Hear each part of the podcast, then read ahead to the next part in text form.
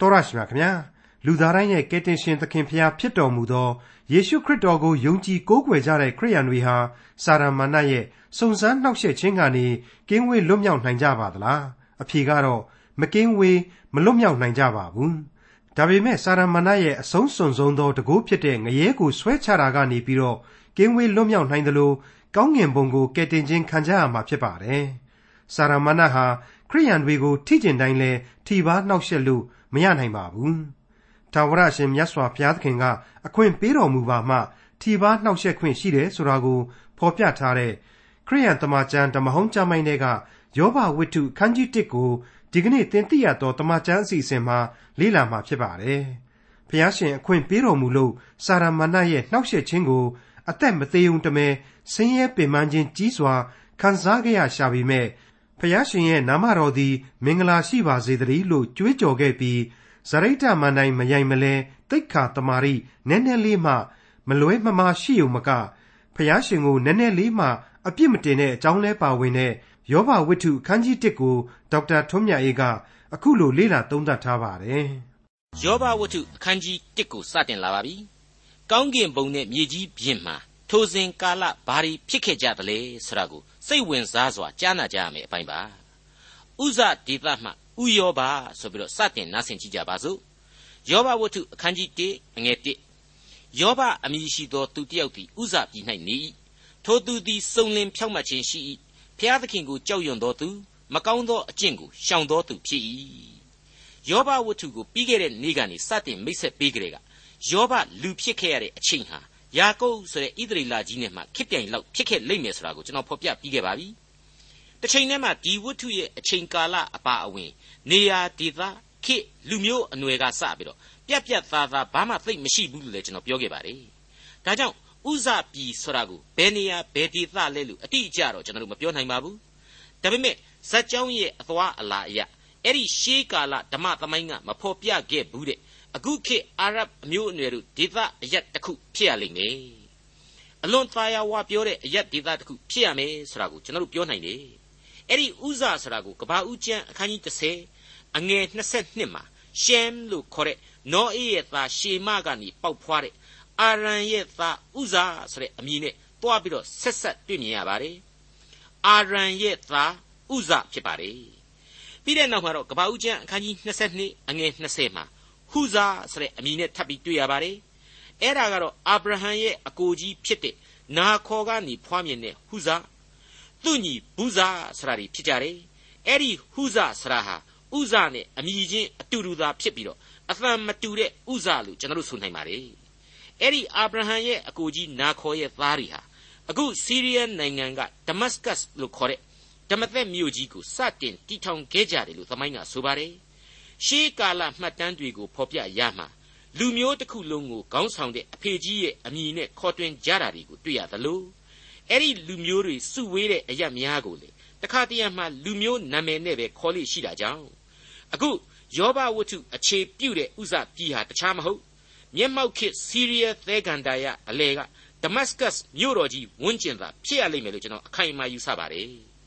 သူနဲ့ပေါင်းသင်းရတဲ့ဒီယောဘဝတ္ထုကိုရေးသူလို့ထင်ရသူ အေလိဟုဆိုတာရဲ့သူ့အပေါင်းအသင်းမိတ်ဆွေတယောက်ဖြစ်တဲ့တေမန်အမျိုးသားအေလိဖတ်ဆိုတာတွေရဲ့ဟာလေအာဗြဟံကနေဆင်းသက်တဲ့သားဣရှမီလမြေအေသောတို့အဆက်အနွယ်တွေဖြစ်ကြတယ်ဆိုတာကိုအမိများအရာကျွန်တော်တို့တွက်ဆလို့အဖြစ်ပေါ်ပါတယ်အထူးသဖြင့်အေလိဖတ်ဆိုရင်ကပ္ပဦးကျမ်းအခန်းကြီး36ရဲ့ဖော်ပြချက်များအရာအေသောရဲ့သားအေလိဖတ်သို့မဟုတ်အေလိဖတ်ရဲ့အမျိုးအနွယ်အေလိဖတ်ဖြစ်ဖို့များတယ်ဆိုတာကိုကျွန်တော်ဖော်ပြခဲ့ပြီးဖြစ်ပါတယ်ဒါကြောင့် အဲ့ဒီအမျိုးအနွယ်ဒီဟာနှောင်းပိုင်းမှာအာရဗ်အမျိုးအနွယ်တွေဖြစ်ကုန်ကြတယ်ဆိုတာလူတိုင်းသိပြီးသားမို့လို့ဥဇအယတ်ဒေသဟာစီးရီးယားသဲကန်တာယဒမတ်စကတ်မြို့ဖြစ်ကိုဖြစ်ရလိမ့်မယ်လို့အများကြီးခံမှန်းနိုင်ပါတယ်တချို့သမိုင်းဆရာတွေကတော့အေဒုံပြည်ဆော်ရီအရေဗီးယားမောဘစတဲ့အရက်ဒေသတွေကိုစိတ်ဆွဲကြတယ်လို့သမာကျမ်းအ내ဖွင့်စာအုပ်ဒီမှာအမျိုးမျိုးတွေ့မြင်နေရပါတယ်အကယ်၍သာအခုယောဘရဲ့ဥဇဒေသဟာစီးရီးယားဂန္ဓာယဖြစ်မယ်ဆိုရင်တော့ ကျွန်တော်ရဲ့ပြီးခဲ့တဲ့သင်ခန်းစာများတွေကဩဝါဒဆရာများရဲ့ဆရာတမန်တော်ကြီးရှင်ပေါလုဟာလေအဲ့ဒီစီးရီးယားဂန္ဓာယမှာပဲခြေသုပ်ပစိုးမွေဆွဲကြိုးကြီးများလို့ရှောလူဘဝကနေပြောင်းလဲပြီးတော့ပေါလုအဖြစ်ဓမ္မသက်ကနေပြီးတော့မှအဲ့ဒီဂန္ဓာယအတွင်းထဲမှာကျင်လေခဲ့ရတယ်ဘုရားသခင်ကသူ့ကိုတမန်တော်ကြီးအဖြစ်အမှုတော်ဆောင်ဖို့ရန်အတွက်အဲ့ဒီစီးရီးယားသဲကန်တာယကြီးတဲ့မှာပဲလေ့ကျင့်ပညာပေးခဲ့တယ်ဆိုတာဒီကိုပြန်ပြီးတော့မှတ်မိခြင်းစရာကောင်းလာပါလေဘယ်လိုပဲဖြစ်ဖြစ်ပါ ကမ္ဘာအရှိဘက်မှာပဲဖြစ်ဖြစ်အနောက်ဘက်မှာပဲဖြစ်ဖြစ်ဂန္ဓာယကြီးတဲ့မှာပဲဖြစ်ဖြစ်တောင်တော်ပေါ်မှာပဲဖြစ်ဖြစ်ပင်လယ်ကြီးပေါ်မှာပဲဖြစ်ဖြစ်လူသားတဦးစီအဖို့ဘုရားသခင်ကသာအသုံးပြုမယ်ဆိုရင်ဘုရားသခင်ကသာအလိုတော်ရှိမယ်ဆိုရင်အဲ့ဒီသက်ဆိုင်သူတည်ရှိရာအရက်ဟာသက်ဆိုင်သူရဲ့ဥဇအရက်ဒေသပဲဖြစ်ပါတယ်အခုယောဘကိုဘုရားသခင်ကဖော်ပြလိုက်တာကတော့စုံလင်ဖြောက်မှတ်တယ်ဆိုတဲ့အချက်ပါအင်္ဂလိပ်ကတော့ perfect လို့ခေါ်ပါတယ် ပြီးပြည့်စုံတယ်ဆိုတဲ့သဘောမျိုးပေါ့အမှန်မှအဲ့ဒီလိုပြီးပြည့်စုံတယ်ဆိုတာဟာဘုရားသခင်ရဲ့ဝိညာဉ်တော်အမြင်အရဘုရားသခင်ကိုရစ်ပူဇော်တဲ့နေရာမှာတော့ဘယ်တော့မှပြက်ကွက်ခြင်းမရှိတဲ့လူမို့လို့အဲ့ဒီလိုသုံးဆွဲလိုက်တာပဲဖြစ်ပါတယ်အကျွင်းမဲ့အပြစ်မရှိတဲ့လူလို့မှတ်ယူလို့မရပါဘူးယောဘဝတ္ထုအခန်းကြီး1အငယ်1နဲ့3သား9ယောက်နှင့်သမီး3ယောက်ရှိသူ၏ဥစ္စာကသိုး9000ကလအုပ်3000နွားရှင်900မြဲမ900 ငယ်သားအတိုင်းမသိများသည်ဖြစ်၍ထိုသူသည်အရှိမျက်နှာအယက်သားတကားတို့တဲ့သာ၍ကြီးသောသူဖြစ်၏အရှိမျက်နှာအယက်ဒေသဆိုတဲ့အချက်ကိုသတိပြုမိဖို့လိုအပ်ပါတယ်ခါနန်ရဲ့အရှိဘက်ကျတဲ့ဒေသဖြစ်ပါတယ်ဂန္ဓာယဒေသဖြစ်ဖို့သိကြသလောက်ပါပဲအဲ့ဒီဒေသမှာဣရှမေလအေသောတို့ကဆင်းသက်တဲ့အမျိုးတွေဟာနေရာကျကြပါတယ်အကုန်လုံးဟာလေကြွယ်ကြွယ်ဝဝချမ်းချမ်းသာသာဖြစ်အောင်ဖျားသခင်ကောင်းကြီးပေးခဲ့တယ်ဆိုတာကိုကဘာဦးကျမ်းကဣရှမေလအကြောင်း အေသောရဲ့အကြောင်းဖော်ပြချက်တွေမှာကျွန်တော်တို့တွေ့ခဲ့ရပြီးပါပြီအခုအချိန်မှာအဲ့ဒီကြွယ်ဝသူတွေတဲမှာတော့ရှေးကာလဘီလီယံနာကြီးအဖြစ်ယောဘဆိုသူဟာထိတ်တန်းကပုဂ္ဂိုလ်ကြီးတယောက်ပဲဖြစ်တယ်ဆိုတာကိုဖော်ပြလိုက်ပါပြီပြည့်ညတ်တော်တို့မပေါ်ထွန်းသေးတဲ့အလွန်ရှေးကြတဲ့ကာလဖခင်ကြီးတွေကသာဥဆောင်ပြီးတော့ဘုရားသခင်ကိုရစ်ပူဇော်တဲ့အချိန်ကာလဖြစ်ပါတယ်လူမျိုးအနေနဲ့ဆိုရင်လေဣသရေလအမျိုးအနွယ်စစ်ဖြစ်ရင်ဖြစ်မယ်ဒါမှမဟုတ်ရင်လေဆွေမျိုးတဝန်ခွဲကပြားတူလည်းဖြစ်ချင်းဖြစ်နိုင်တယ် ဘာပဲဖြစ်ဖြစ်ဘုရားသခင်ကိုတော့ကြောက်ရွံ့ယူသေးတယ်ဆိုတာကိုကျွန်တော်တို့တွေ့လာရပါတယ်ဒါဟာအရေးအကြီးဆုံးအချက်ပါအဲ့ဒီမှာယောဘရဲ့အားနည်းချက်ကလေးတစ်ခုမသိမသာကလေးပါဝင်လာတာကိုအခုသေသေးချာချာနားဆင်ကြည့်ကြပါစို့အငယ်၄နဲ့၅ယောဘဤသားတို့သည်နှစ်စဉ်အတိုင်းအသီးသီးဖွာသောနေ့ရဲ့ရောက်ဖြင့်မိမိတို့အိမ်၌ပွဲခံသဖြင့်နှမသုံးယောက်ကိုလည်းခေါ်၍အတူစားသောက်လိရှိကြ၏ပွဲခံသောနေ့ရဲ့လွန်သောအခါယောဘသည်သူတို့ကိုခေါ်၍တန်ရှင်းစေပြီးလျှင် နန်းနှင့်စောစောထ၍သူတို့အရေးအတွက်အတိုင်းမိရှုသောရစ်ကိုပူဇော်လိရှိ၏အကြောင်းမူကားငါသားတို့သည်မှားယွင်း၍စိတ်နှလုံးထဲ၌ဘုရားသခင်ကိုစွန့်ပယ်ကြပြီလောဟုယောဘအောက်မိ၏ထို့သောယောဘသည်အစဉ်ပြုမြဲရှိ၏ Happy birthday ပေါ့ယောဘရဲ့သားတွေဟာသူတို့ရဲ့မွေးနေ့အချိန်ရောက်တိုင်းရောက်တိုင်းကျေးဇူးတော်ကိုချီးမွမ်းကြတယ်တဲ့အဲ့ဒီလိုကျေးဇူးတော်ချီးမွမ်းပြီးတဲ့နောက်နေ့တွေကြတော့ယောဘကသူ့သားတွေကိုခေါ်ယူတယ် ပြီးတော့ငါသားတွေဟာဘုရားသခင်ကိုများစွန့်ပယ်သွားကြမှားလားဆိုပြီးတော့အောက်မေ့လို့စိုးရိမ်နေတယ်ဒါကြောင့်မလို့လာကြလာကြမင်းတို့တန်ရှင်းစင်ကြယ်ခြင်းဝတ်တွေကိုပြုလုပ်ကြမင်းတို့အတွက်ငါကအပြစ်ဖြေရာရစ်ကောင်ကိုပူဇော်ပေးမယ်ဆိုပြီးတော့ကိုယ်တိုင်ဟာရစ်ပရောဟိတ်ဝင်ရောက်ပြီးတော့ပြုလုပ်ပေးလိရှိတဲ့ကောင်းပြီသူ့သားတွေအတွက်သာသူအဲ့ဒီလိုရစ်ပူဇော်တာနော်သူ့အတွက်သူမပူဇော်ဘူးတန်ရှင်းစင်ကြယ်ခြင်းဝတ်ကိုလေသူ့သားတွေကိုသာသူခိုင်းတာသူကိုယ်တိုင်မလုပ်ဘူး အဲ့ဒါဟာအစဉ်ပြုမြဲရှိ၏ဆိုတဲ့အချက်ကြောင့်နှစ်တိုင်းနှစ်တိုင်းသားခုနှစ်ယောက်ရဲ့မွေးနေ့ခုနှစ်ရက်မှာအဲ့ဒီရစ်ပူဇော်ခြင်းကိုတော့မပြတ်မကွက်လုပ်နေကြဖြစ်ရလိမ့်မယ်ရှေးကာလမှာဆိုရင်အဲ့ဒီလိုရစ်မှန်မှန်ပူဇော်တာကိုစုံလင်ဖြောက်မှန်မှုတစ်ခုအဖြစ်စံသတ်မှတ်တယ်ဆိုတာကိုကျွန်တော်ဘယ်သူမှညင်းလို့မရပါဘူးအခုအချိန်မှာတော့ကောင်းကင်ဘုံတွင်ဆိုပြီးတော့ယောဘဝတ္ထုကြီးရဲ့မြင်ကွင်းကိုမြေကြီးပေါ်ကနေအထက်ဘက်ရွှေ့ပြီးတော့ကြည့်ကြပါအောင်စို့အငယ်6နဲ့9 ဖျားသခင်ဤသားတို့သည်ထာဝရဘုရားထံတော်၌ခစားခြင်းဟာလာရသောနေ့ရဲ့အချိန်ရောက်ဖြင့်စာရန်သည်လည်းသူတို့နှင့်ရောနှော၍လာ၏ထာဝရဘုရားကလည်းသင်သည်အဘယ်အရက်ကလာသနည်းဟုစာရန်ကိုမေးတော်မူဖြင့်စာရန်ကမြေကြီးပေါ်မှလှဲ့လေ၍အရရ၌သွာလာခြင်းအမှုတဲကလာပါသည်ဟုလျှောက်လေ၏ဘုရားသခင်ဤသားတို့ဆရာဟာဘုရားသခင်ကလောကကိုစောင့်ကြည့်ဖို့ရန်ချထားတဲ့မရေမတွက်နိုင်သောထူးဆန်းသောထောက်လှမ်းရေးအဖွဲ့ဖြစ်ရမယ် ကောင်းကင်ဘူကြီးဖြစ်ရလိမ့်မယ်အဲ့ဒီလိုကောင်းကင်ဘုံမှာမြင်ကွင်းတွေဖြစ်နေတာကိုယောဘတယောက်ကတော့ဘာဆိုဘာမှမသိရှာဘူးသူ့ရဲ့သားခုနှစ်ယောက်နဲ့ပဲ Happy Birthday လုပ်နေလို့အလုရှုပ်နေမှာပေါ့အဲ့ဒီအချက်ကိုထောက်ရင်ဒီအဖြစ်ကိုယောဘမရေးနိုင်ဘူးဘုရားသခင်ကရေးစေလိုသူအခြားတယောက်အထူးသဖြင့်ကျွန်တော်ယူဆထားတဲ့အတိုင်းပဲအေလိဟုရဲ့ဝိညာဉ်ရေးအာယုံမြင်ကွင်းပဲလို့ကျွန်တော်ယူဆပါတယ်တနည်းအားဖြင့်တန်ရှင်းသောဝိညာဉ်တော်အားဖြင့်အာယုံမြင်ကွင်းမှာပေါ်ပေါက်လာခြင်းပဲပေါ့ အဲ့ဒီထဲမှာကျွန်တော်တို့မျက်လုံးပြူရဒါကတော့တခြားမဟုတ်ဘူး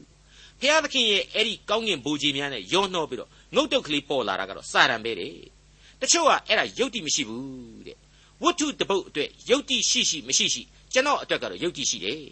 ပထမအချက်အနေနဲ့စဉ်းစားရမှာကစာရန်ဘယ်အရက်ကထွက်လာတယ်လေ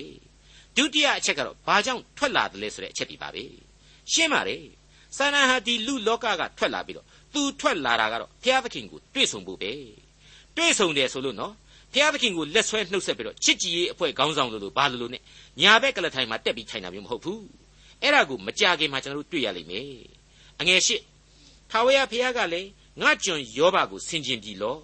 မြေကြီးပေါ်မှာသူနှင့်တူသောသူတစုံတစ်ယောက်မျှမရှိစုံလင်ဖြောင့်မတ်ပေ၏ဘုရားသခင်ကိုကြောက်ရွံ့သောသူမကောင်းသောအကျင့်ကိုရှောင်သောသူဖြစ်သည်ဟုစာရန်အားမိန့်တော်မူ၏တိအဘယ်အရက်ကလာသနည်းဆိုတဲ့မိကွန်းနှစ် ပြန်လျှောက်လေ၏ဆိုတဲ့စာရန်ရဲ့တုတ်ပြန်သံသုံးစာရန်အားမိန့်တော်မူ၏ဆိုတဲ့အချက်တွေအရာဘုရားသခင်ကိုစာရန်တွေ့ဆုံခြင်းဆိုတာဟာဖော်ပြခဲ့တဲ့ဘုရားသခင်ထောက်လှမ်းရေးသမားတွေနဲ့အတူကောင်းကင်ဘုံပေါ်ကိုတက်လာပြီးတော့ဘုရားသခင်ကိုသူဘာတွေလုပ်နေတယ်ဆိုတာကိုပြန်လဲအစီရင်ခံဖို့ပဲဖြစ်တယ်ဆိုတာအဖြစ်ပေါ်လာပြီအဲ့ဒီစာရမဏဟာနော်ပေါ့သေးသေးဆိုပြီးတော့သွားမတွက်နဲ့သူကလည်းလူသမိုင်းကိုဘုရားသခင်နဲ့မဝေးဝေးအောင်လုပ်နိုင်တယ်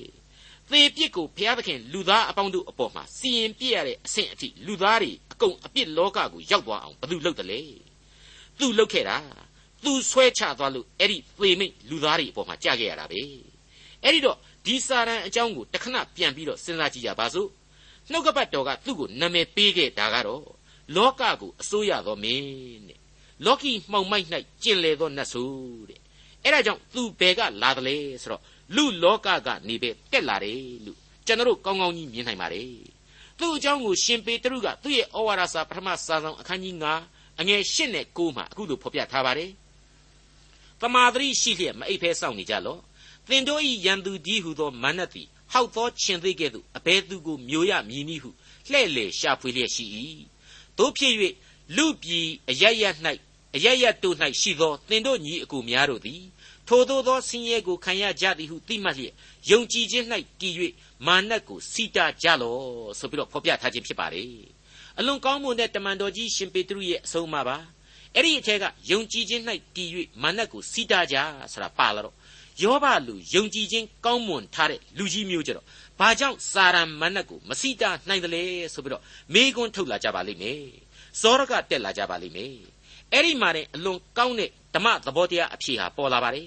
ဖျားသခင်ဟာစာရန်ကိုခွင့်ပြုနိုင်တယ်ဆိုတဲ့အချက်ပါဥပမာဆိုရင်ဖျားသခင်ကိုတော်တိုင်လူစားတိကိုခံယူပြီးတော့ကယ်တင်ရှင်သခင်ခရစ်တော်အဖြစ်မြေပေါ်မှာရှိခဲ့စဉ်ကစာရမဏေရဲ့စုံစမ်းနှောက်ယှက်ခြင်းကိုခံယူခဲ့ရသေးတယ်ဆိုတာနဲ့လွယ်လွယ်ကလေးကျွန်တော်တို့အဖြေထုတ်လို့ရနိုင်ပါတယ်အဲ့ဒီအချိန်ကာလတုန်းကစာရန်ဟာလောကကိုအစိုးရတော်မင်းပြီးပြီး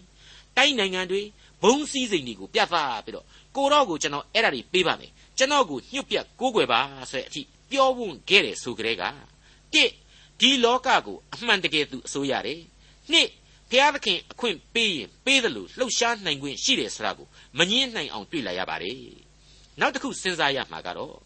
မင်းမှာအဲ့ဒါတွေငါပေးရအောင်မင်းပိုင်လို့လားဆိုပြီးတော့ခရစ်တော်ကသူ့ကိုလာပြီးတော့ဆွဲဆောင်တဲ့စာရမဏတ်ကိုမမေ့ခဲ့ပါဘူးလောကဇာတိနဲ့ဆိုင်တာတွေကိုခေါင်းခါညင်းပယ်ယုံသာညင်းပယ်ပြခဲ့ပါလေ ဒါဟာစာရန်ဟာလောကနဲ့မှောင်မိုက်ကဘာကိုအမှန်တကယ်အုပ်စိုးနေတယ်ဆိုတာကိုခရစ်တော်ရဲ့ဥပမာအားဖြင့်ရှင်းရှင်းကြီးသဘောပေါက်စေပါလိမ့်မယ်ကျွန်တော်တို့ကိုလည်းအလွန်ကောင်းမွန်တဲ့ဝိညာဉ်စိတ်သဘောကိုကယ်တင်ရှင်ဟာသူ့လူလောကမှာရှိစဉ်အတွင်းမှာပင်သွန်သင်ပေးလိုက်ခြင်းဖြစ်တယ်လို့ကျွန်တော်တို့လေးနဲ့စွာလက်ခံကြရမှာဖြစ်ပါတယ်ဒီတော့ဘုရားသခင်အခွင့်ပြုတဲ့အခါမှာစာရန်ဟာပို့ပြီးတော့လောကမှောင်မိုက်အာနာနဲ့ရန်ကားနိုင်တယ်ဆိုတာရှင်းနေပြီ ဒီကနေ့ဒီကဘာကြီးမှာအဲ့ဒီနီးနဲ့စာရန်ဟာလွှမ်းမိုးနေတယ်ဆိုတာမသိတာဘူးလားဒီနေရာမှာအဲ့ဒါဆိုဘုရားသခင်အခွင့်ပြုတယ်ဆိုတာနဲ့ပဲဘုရားသခင်နဲ့စာရန်ကိုများတွားပြီးအခွင့်ပြုရတယ်ပဲရှိသေးဆိုပြီးတော့ဘုရားသခင်ကိုလည်းတွားပြီးတော့စိတ်မကောက်ကြနဲ့အောင်နှခမ်းမဆူကြနဲ့အောင်အချိန်ကာလအကန့်အသတ်အမျိုးမျိုးရှိတယ်အချိန်အနေအကန့်အသတ်တွေလည်းအမျိုးမျိုးရှိနိုင်တယ်ဒါကိုခမအသေးစိတ်ပြီးရှင်းပါဆိုရင်တော့ကျွန်တော်လည်းရှင်းရှင်းတော့မပြောတတ်ဘူး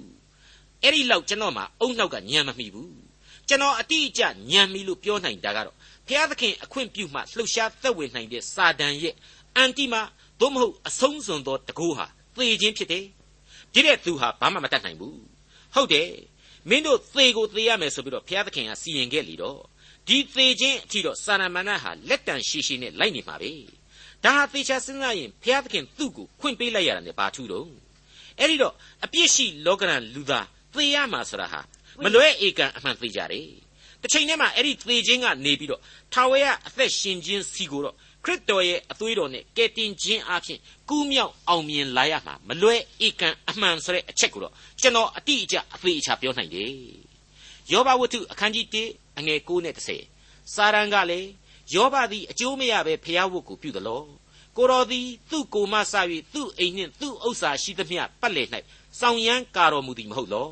သူပြုလေသမျှတို့ကိုကောင်းကြီးပေးတော်မူပြီးသူ့သိုးနွားအစရှိသောတိရစ္ဆာန်တို့သည်မြေပေါ်မှအလွန်ပွားများကြပြီဘုရားသခင်ကနေပြီးတော့ယောဘဟာလူသမိုင်းမှာအဲ့ဒီရှေးခေတ်အတွက်တော့လူသားတွေတဲကစံမတူလူသားကြီးအဖြစ်ချီးမွမ်းလိုက်တဲ့တပြိုင်နက်စာရန်ဘာထပြောတယ်လေကိုတော်ကသူ့ကိုကောင်းကြီးတွေအမျိုးမျိုးနဲ့ပတ်ချဝိုင်းထားတော့ तू ကဖះဝုတ်ကိုပြုမှာပေါ့တဲ့အဲ့ဒီလိုကျေးဇူးတော်တွေဝိုင်းဝိုင်းလဲနေလို့သာကိုတော့ရှေ့မှာစံမတူဖြစ်နေတာပါခမညာဆိုတဲ့သဘောမျိုး သိတော့မဆိုးဘူးနော်စာရန်ဆိုပြီးတော့စောစောကပြောခဲ့တယ်လို့ရှင်သေးကြီးပုံစံမျိုးကြီးတော့မတွေးနဲ့စကေးရလူပွဲမှာတောင်ရွှေတစိမ့်ရလောက်အောင်စကားပြောတဲ့နေရာမှာလဲတယ်ကျွန်းတယ်နှခမ်းတလန်ပန်းတလန်လည်းပြန်ပြောတတ်တယ်ကက်ကက်လန်လည်းပြန်ပြောတဲ့အခါပြောတယ်ပြီးတော့သူဟာယောဘရဲ့ဘဝကိုလည်းအမြဲကုတ်မလို့ချောင်းနေတယ်တရေမရေစီးနေတယ်ဆိုတာဟာမှန်းဆလို့အဖြစ်ပေါ်လာပါတယ်ဒီလောက်တောင်မကသေးပါဘူးအခုလိုဆက်ပြီးတော့စာရန်ဟာပြောပါတယ်အငယ်၁၁ ယခုမူကားလက်တော်ကိုဆန့်၍သူ၏ဥစ္စာရှိသမျှကိုထိခိုက်တော်မူလျင်သူသည်မျက်မှောက်တော်၌ကိုတော်ကိုစွန့်ပယ်ပါလိမ့်မည်ဟုထာဝရဘုရားအားပြန်လျှောက်လေ၏ကြည်စမ်းအဲ့ဒီစာရမဏတ်ဆိုတဲ့တတ္တဝါဟာကျွန်တော်လူစားတိပဂရိအခြေအနေကိုဘလောက်အထိသိနာလည်နေသလဲသိဆိုသူကိုယ်တိုင်ဒီလောကအမိုက်အမဲစိတ်ဓာတ်တွေကိုဥဆောင်မှုပေးနေတယ်မဟုတ်ဘူးလားဖျားသခင်ကကောင်းကြီးပေးတော့ကသာလူကောင်းသူကောင်းကောင်းကြီးတွေကိုပြုတ်ပြုတ်ပြုတ်ပြုတ်နဲ့ပြုတ်လိုက်တဲ့တပြိုင်နက်ဖြုတ်လိုက်တဲ့တပြိုင်နက် ကိုတော့ကိုသူတို့ဟာစွန့်ပယ်ကုန်ကြပါလိမ့်မယ်တဲ့အထူးသဖြင့်ယောဘဟာအဲ့ဒီလိုသာကောင်းကြီးတွေမရှိတာနဲ့တပြိုင်နက်ဖျားသခင်ကိုစွန့်ပယ်သွားပါလိမ့်မယ်တဲ့လူပိန်းစကားနဲ့ပြောရရင်တော့အခြေအနေကောင်းနေတုန်းတက်နေတုန်းသာကျေးဇူးတင်နေတာပါခွေးကြဝက်ကြကြတာနဲ့တပြိုင်နက်ကျေးဇူးကမ်းမှာအသေးချပဲဆိုတဲ့သဘောပေါ့ဒါဟာကျွန်တော်ကရိုင်းတာမဟုတ်ဘူးနော်စာရမဏေရဲ့ပြောတဲ့ဆိုတဲ့အပေါက်ကအဲ့ဒီအတိုင်းပဲကိုတော်ကိုစွန့်ပယ်ယုံနေမကသေးဘူးကြိမ်တောင်ကြိမ်စဲမယ်ဆိုတဲ့သဘောမျိုးအင်္ဂလိပ်ကျမ်းကဖော်ပြထားတယ်ဟုတ်တယ် he will cast thee to thy face လို့ဆိုထားပါတယ်အဲ့တော့ဘုရားသခင်ကိုပြစ်တောက်ပြစ်တောက်နဲ့ပြန်ပြီးတော့ကြိမ်စဲတဲ့သဘောဘုရားသခင်မကြဘူးအောက်မိပြီးတော့တိုးတိုးလေးပြန်ပြီးတော့ကလော်တုတ်တဲ့သဘောရည်စရာမကောင်းဘူးလားပြီးတော့လက်တွေ့မှာရောဒီဖြစ်ရများဟာဟုတ်ရောမဟုတ်နိုင်ဘူးလားကျွန်တော်ကတော့ကိုယ်တိုင်ကိုနားနဲ့ဆက်ဆက်ကြားဘူးတယ်သူတို့မို့လို့မကြောက်မရွံ့ဆဲဝင်တယ်လို့ပဲကျွန်တော်သဘောထားလိုက်ပါတယ်ဒါပေမဲ့နော်အဲ့ဒီလိုယုံယုံရင်ရင်ဆဲမှလည်းဆဲရရောက်တာမဟုတ်ဘူး တခါတလေမှာကိုကိုကိုပြန်ပြီးတော့ကြိမ်ဆဲတာတို့မချိမဆန့်မျက်လုံးကြီးပြူအန်ကြီးကြိတ်ပြီးတော့သေလိုက်ပါတော့ဆိုပြီးတော့ညီးတာတို့တောက်ခောက်ပြီးတော့မကြားဝွန်မနာသာဟာမျိုးတွေယုံယုံရင်ရင်ရွတ်တာတို့ကြိမ်တာတို့ဆိုတာမျိုးတွေကတိုင်းတာတို့ဆိုတာမျိုးတွေဟာလေဖျားသခင်ပေးတဲ့ဝိညာဉ်တော်ကိုမထီမဲ့မြင်ပြုတ်ရရောက်တာပဲလို့ကျွန်တော်သတ်မှတ်ရပါလိမ့်မယ်ဒီတော့စာတန်ကနေပြီးတော့အခုယောဘကိုဘုရားသခင်ကသာချီးမြှောက်နေရကနေနှိမ်ချလိုက်တဲ့ပြိုင်နဲ့ပြန်ပြီးတော့ဘုရားသခင်ကိုကြိမ်ဆဲမှသိကြပါတယ်ဆိုပြီးပြောတာဟာမဆိုးလှဘူး မှန်တဲ့လောက်မှန်တယ်ဆိုတာလည်းဆက်ပြီးတွေ့ရလိမ့်အောင်မယ်ကောင်းပြီလူသဘောကိုနောကြည်နေတဲ့စာရန်ဟာယောဘဆိုတဲ့လူချမ်းသာကြီးနဲ့ပတ်သက်လို့အဲ့ဒီလူပြောတာကိုလုံလောက်ပြီးမထင်ပါနဲ့နော်ဟိုကွေ့ရောက်တော့ဟိုတက်နဲ့လှောဒီကွေ့ရောက်တော့ဒီတက်နဲ့လှောဆိုတာမျိုးသူ့မှာပြောစရာတွေအများကြီးရှိသေးတယ်ပြောရလောက်အောင်လေအင်မတန်လဲတယ်ဆိုတာကိုကျွန်တော်တို့မေ့လို့မရဘူးစာရန်အကြောင်းကိုကျွန်တော်ပြောနေတာပါနော် ဒါကြောင့်မလို့စောစောကကျွန်တော်ကလူမနောကိုသိပ်ပြီးတော့သိနာလေတဲ့စာရန်ပဲဆိုပြီးတော့စာရန်ကိုချီးမွမ်းကံဖွင့်ခဲ့တာနဲ့ပတ်သက်ပြီးတော့နည်းနည်းထပ်မံဖြည့်ကျင်တာလေးရှိလာပြန်ပါတယ်လူမနောဆိုတာဟာတရသေးကြီးပဲတော့လေပြောလို့မရစရာတွေအကြောင်းအများကြီးရှိနေတာနဲ့ပတ်သက်လို့ပါခလုတ်ချီမှအမိတာဆိုတဲ့စကားရှိတယ်မဟုတ်ဘူးလားအဲ့ဒီအတိုင်းပဲဒုက္ခရောက်တော့မှပဲဘုရားသခင်ကိုသတိရတတ်တဲ့လူတွေကြပြန်တော့လေပုံသဏ္ဍာန်တစ်မျိုးနဲ့ရှိနေပြန်တယ်ဆိုတာကိုကျွန်တော်တို့သိနိုင်ပါတယ်ဥပမာဆိုရင်ချမ်းသာနေတုန်းကဘာကျေးဇူးတရားမှမသိ ကုန်းကောက်เสียမရှိအောင်ဆင်းရဲသွားတော့မှမွဲသွားတော့မှဘုရားသခင်ကိုပြန်ပြီးတော့ကုံယုံအသနာခံတတ်တဲ့ဆန့်ကျင်ဘက်တရုတ်ကလည်းရှိနေတတ်တယ်ဆိုတာကိုကျွန်တော်တို့ပို့ပြီးတော့တွေ့နိုင်ပါသေးတယ်။ကျမ်းစာကိုကိုးကားရမယ်ဆိုရင်တော့ပျောက်သောသားလို့လူမျိုးပေါ့။အဲ့ဒီလိုပါပဲ။ဆင်းရဲတုန်းကလည်းဘုရားတရားမရှိချမ်းသာလာပြန်တော့လေဘုရားတရားဘာမှညာမှမသိ အဲ့ဒီလူမျိုးတွေရောမရှိဘူးလားဆိုတော့အများကြီးရှိတာပါပဲဒါကြောင့်စာရမဏေဟာလူဘဝကိုအစင်းအစင်းအလျောက်ဖြစ်စီတတ်တယ်လို့အတက်မှလည်းအတက်လျောက်ဖြစ်စီတတ်တဲ့ မှောင်မိုက်ကိုအစိုးရတဲ့နတ်ဆိုးကြီးအဖြစ်ကျွန်တော်တို့သေသေးချာချာနားလည်ခံယူထားကြရပါလိမ့်မယ်ယောဘဝတ္ထုအခန်းကြီး1အငယ်7ထာဝရဘုရားကလည်းသူ၏ဥစ္စာရှိသမျှသည်သင့်လက်၌ရှိ၏သူ့ကိုယ်တစ်ခုကိုသာမထိမခိုက်နှင့်ဟုမိန့်တော်မူလျင်စာရန်သည်ထာဝရဘုရားထံတော်မှထွက်သွားလေ၏ဒီနေရာမှာကျွန်တော်တို့သင်ခန်းစာယူစရာတွေအများကြီးရှိပါတယ်သူ့ဥစ္စာရှိသမျှကိုမင်းလှုပ်ချင်တာလှုပ် သူ့ရဲ့ရုပ်ခန္ဓာကိုသာမထိနဲ့ဆိုတဲ့ဘုရားသခင်အခွင့်ပြုတော်မူခြင်းအကြောင်းကိုစဉ်းစားကြည့်ပါဘုရားသခင်ဟာစာရမဏတ်ကိုမိစိန်ပြပြီးတော့လူတယောက်အမိသဟဲပြုနေရတဲ့တောက်တိုင်တွေမျောလင့်ချက်တွေကိုဖျက်ဆီးပစ်နိုင်တယ်ဆိုတာကိုမြင်လာရပါတယ်တစ်ချိန်တည်းမှာအဲ့ဒီလိုစာရမဏတ်ရဲ့လက်ကိုအနှံခြင်းဟာလေသူ့ရဲ့အလိုတော်နဲ့အကြံတော်သာဖြစ်တယ်ဆိုတဲ့အချက်ကိုကျွန်တော်နားလေအောင်ဒီယောဘဝတ္ထုဟာဆက်လက်၍သွန်သင်ပေးသွားမှာဖြစ်ပါတယ် အကယ်၍သာစာရန်ကိုအကျွင့်မဲ့ခွင့်ပြုလိုက်ရင်တော့လူတယောက်ကိုလုံးဝအုပ်တုံဖြက်စီးချေမှုန်းသွားမှာဖြစ်တယ်ဆိုတာဟာလေအသေးချာပဲဆိုတာကျွန်တော်တွေ့လာရပါတယ်အခုဆိုရင်စာရမဏတ်ရဲ့အကျင့်အကြံတွေကိုသေချာစဉ်းစားကြည့်ရင်တိဘုရားသခင်ရဲ့လူသားတို့အပေါ်မှာထားရှိတဲ့မေတ္တာတော်ကိုယုံမှားတန်တရားရှိအောင်ဂျားဝင်ခလောက်ဆန်နိုင်တယ်ဘုရားသခင်ကပဲလူသားတွေကိုကောင်းကြီးမင်္ဂလာတွေနဲ့ပတ်ရပေးထားတာဟာသူ့ကိုအားကိုးယုံကြည်စေခြင်းလို့လက်ထိုးထားတဲ့သဘောမျိုးသက်ဝင်စေတယ်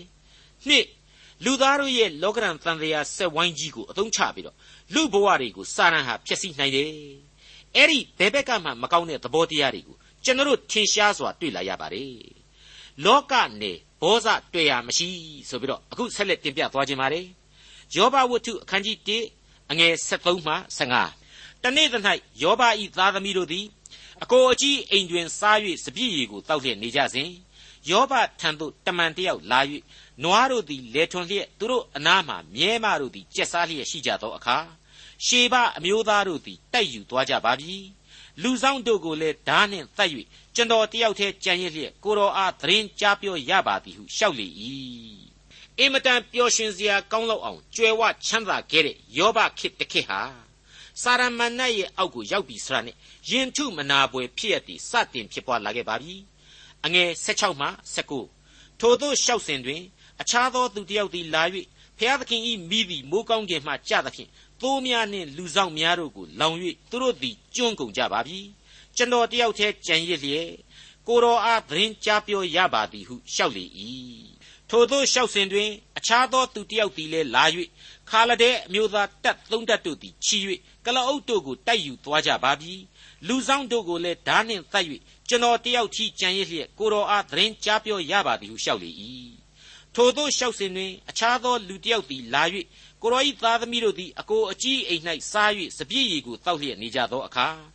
တောမှလေကြီးလာ၍အိမ်လေးတောင်ကိုတိုက်သဖြင့်အိမ်သည်ထိုလူလင်တို့အပေါ်မှာပြိုလဲပါ၏သူတို့သည်သေ၍ကျွန်တော်တယောက်ကြီးကြံရစ်လျက်ကိုတော်အားသတင်းကြားပြောရပါသည်ဟုလျှောက်လေ၏ ဖျားသခင်ဤမိသည်မိုးကောင်းကင်မှကြသဖြင့်ဆိုတာနဲ့ပတ်သက်ပြီးတော့ဖျားသခင်ကပဲမိလောင်တိုက်သွင်းတယ်လို့လို့ဘာလို့လို့အတွေးဝင်နိုင်ပါ रे အမှန်မှာတော့စာရမဏတ်ကိုအခွင့်ပြုလိုက်တဲ့ဘုရားသခင်ဟာကောင်းကင်မိကိုပါအခွင့်ပေးလိုက်ပြီဆိုတဲ့သဘောဖြစ်ပါတယ်ဒီမိဟာယောဘကိုဘယ်လိုပြုပြင်ပြောင်းလဲပေးတဲ့မိမျိုးဖြစ်လာစေမလဲဆိုတာကိုကျွန်တော်တို့မကြခင်မှာတွေ့လာရပါလိမ့်မယ်ယောဘဝတ္ထုအခန်းကြီး1အငယ်20မှ22ဏီကုံထိုအခါယောဘသည် ထ၍မိမိဝတ်လုံကိုဆုပ်လေ၏သပင်ကိုလည်းရိပ်၍မြေပေါ်မှဝတ်လျက်ကိုးကွယ်ပြီးမှငါသည်အဝတ်မပါဘဲအမိဝန်းတဲကထွက်လာ၏အဝတ်မပါဘဲအမိဝန်းတဲသို့ပြန်သွားတော့မည်ထာဝရဘုရားပေးတော်မူ၏ထာဝရဘုရားလည်းရုပ်သိမ်းတော်မူ၏ထာဝရဘုရား၏နာမတော်သည်မင်္ဂလာရှိပါစေတည်းဟုဆိုလေ၏ယောဘသည်ဤအမှုများနှင့်တွေ့ကြုံတော်လဲမမှားယွင်းထာဝရဘုရားကိုလည်းအပြစ်မတင်ဘဲနေ၏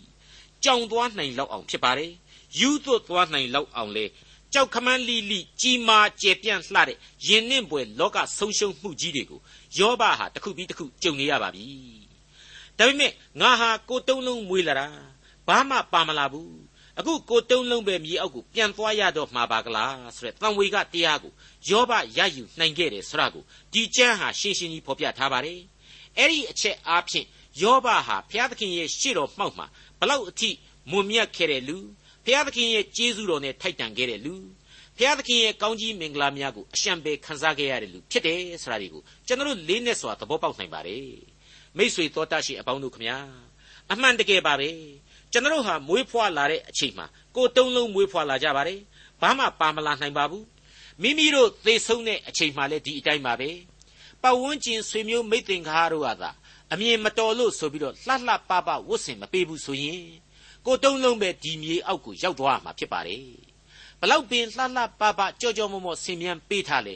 သုံးရက်ကနေတပတ်အတွင်းမှာပုတ်ပြီးတော့တစ်နှစ်ကနေနှစ်နှစ်အတွင်းမှာဆွေးမြေ့သွားရမယ်လူသားများသာဖြစ်ကြောင်းလေးနဲ့စွာသတိပေးလိုက်ပါတယ်မိษွေတော်တတ်ရှင်အပေါင်းတို့ခမညာအရာရာဟာဘုရားသခင်ပေးခဲ့လို့သာသူရယူခဲ့ရတယ်သူပြန်ယူတော့လဲလက်လွတ်ပေးလိုက်ရတာပဲဆိုတဲ့သင်္ခါရသဘောတရားကို ယောဘရယူနိုင်ခဲ့ခြင်းဟာလေကျွန်တော်အတွက်ကြီးမားသောဝိညာဉ်အထောက်အကူဖြစ်စေတယ်လို့ကျွန်တော်တွေးမိပါတယ်ကျွန်တော်မှာနေ့စဉ်ဒူဝမိမိတို့ရဲ့စားရေးတောက်ရေးနေထိုင်ရေးနဲ့တကွာတခါတရံမှာမတော်လောဘတွေဖြည့်ဆည်းမှုကြောင့်လွန်စွာမှပူပန်သောကတွေရောက်ရတယ်ဆိုတာဘယ်သူမှညင်းနိုင်မှာမထင်ပါဘူးတခါတလေမှာအဲ့ဒီလောဘစိတ်တွေကြောင့်ကျွန်တော်တို့ဟာလူကျမ်းမာရေးထိကြိုက်တဲ့အထီတောင်းမှစိတ်ပင်ပန်းရတာတွေလူပင်ပန်းရတာတွေရှိနေတယ်ဆိုတာကိုဘယ်သူမှညင်းနိုင်မှာမထင်ပါဘူး မိษွေတော်တတ်ရှင်အပေါင်းတို့ခမညာလိုတဖူလုံဘဝရိပ်မြုံမှာဘုရားသခင်ဟာကျွန်တော်တို့ကိုထားပါတယ်ဘုရားသခင်ဟာဓမ္မသမိုင်းတလျှောက်မှာလေသူ့ကိုယုံကြည်ကိုးကွယ်တဲ့လူတွေကိုဘယ်သောအခါမှပြစ်မထားခဲ့ဘူးလိုအပ်ရင်လိုအပ်တယ်လို့အစဉ်တစိုက်အစာအာဟာရများနဲ့ဖြည့်တင်းပေးတယ်အသက်ရေကိုပင်လျင်ကြောက်မှထွက်စီခဲ့တယ်ဆိုတဲ့အချက်တွေကိုကျွန်တော်တို့ဘယ်လို့မှမေ့ထားလို့မရနိုင်ပါဘူးဒီကျေးဇူးတော်မြတ်များတို့ကိုလည်းအစဉ်တစိုက်ချီးမွမ်းတတ်ဖို့လိုပါတယ် မိမိတို့ရှင်သန်ရာဘဝအသက်တာရဲ့အခြေအနေမှန်ကိုလည်းအစဉ်တစိုက်နားလေသဘောပေါက်ပြီးတော့ကယ်တင်ရှင်သခင်ခရစ်တော်ရဲ့ကားတိုင်းလမ်းကိုစိစိမျှော်ကြည့်ပြီးတော့ရှောက်လှမ်းဖို့အဓိကကြလှတယ်လို့ကျွန်တော်ဆိုချင်ပါတယ်ပြီးခဲ့တဲ့ကောရိန္သုဩဝါဒစာရီမှာတမန်တော်ကြီးရှင်ပေါလုဆိုခဲ့ဘူးတဲ့အချက်တစ်ခုကိုကွက်ခနဲ့ကျွန်တော်ဒီနေရာမှာသတိရမိပါတယ်ကောရိန္သုဩဝါဒစာဒုတိယစာဆောင်အခန်းကြီး9အငယ်9ကမမေ့နိုင်လောက်ဖွယ်သောအဆုံးအမတစ်ခုပဲဖြစ်ပါတယ် သူဤဖြောင့်မတ်ခြင်းသည်အစဉ်အမြဲတည်တတ်၏ဟုလာသည်နှင့်အညီသင်တို့သည်အရာရာ၌သုံးလောက်သောဥစ္စာအမျိုးမျိုးအစဉ်ရှိ၍ကောင်းသောအကျင့်အမျိုးမျိုးနှင့်အထူးပြည့်စုံမည်အကြောင်းအမျိုးစုံသောမင်္ဂလာကျေးဇူးနှင့်အထူးသဖြင့်ပြည့်စုံစေခြင်းဟာဖျားသခင်တတ်နိုင်တော်မူ၏ဆိုပြီးတော့သွန်သင်ဆုံးမဩဝါဒပြုခဲ့ခြင်းဖြစ်ပါတယ်မိษွေအပေါင်းတို့ခမညာကျွန်တော်လူသားဟာလက်မလေးတစ်ထောင်တောင်နဲ့မာနတွေဘလောက်ပဲကြည်နေနေ ကိုစွန်းကိုတတ္တိကိုသီလကိုသမာဓိကိုဘလောက်ပဲအားကိုခိုးလှုံနေနေသေချာပြန်ဆန်းစစ်ကြည့်လိုက်ရင်သူပြုသမျှနုရသောလူဘဝသာဖြစ်ပါတယ်ခင်ဗျာဒေါက်တာထွန်းမြတ်ရေးစီစဉ်တင်ဆက်တဲ့တင်ပြရသောတမချန်းအစီအစဉ်ဖြစ်ပါတယ်နောက်တစ်ချိန်အစီအစဉ်မှာခရိယန်တမချန်းဓမ္မဟောင်းကျမ်းပိုင်းတွေကယောဘဝိတ္ထုခန်းကြီး1ကိုလေ့လာမှဖြစ်တဲ့အတွက်စောင့်မျှော်နားဆင်နိုင်ပါတယ်။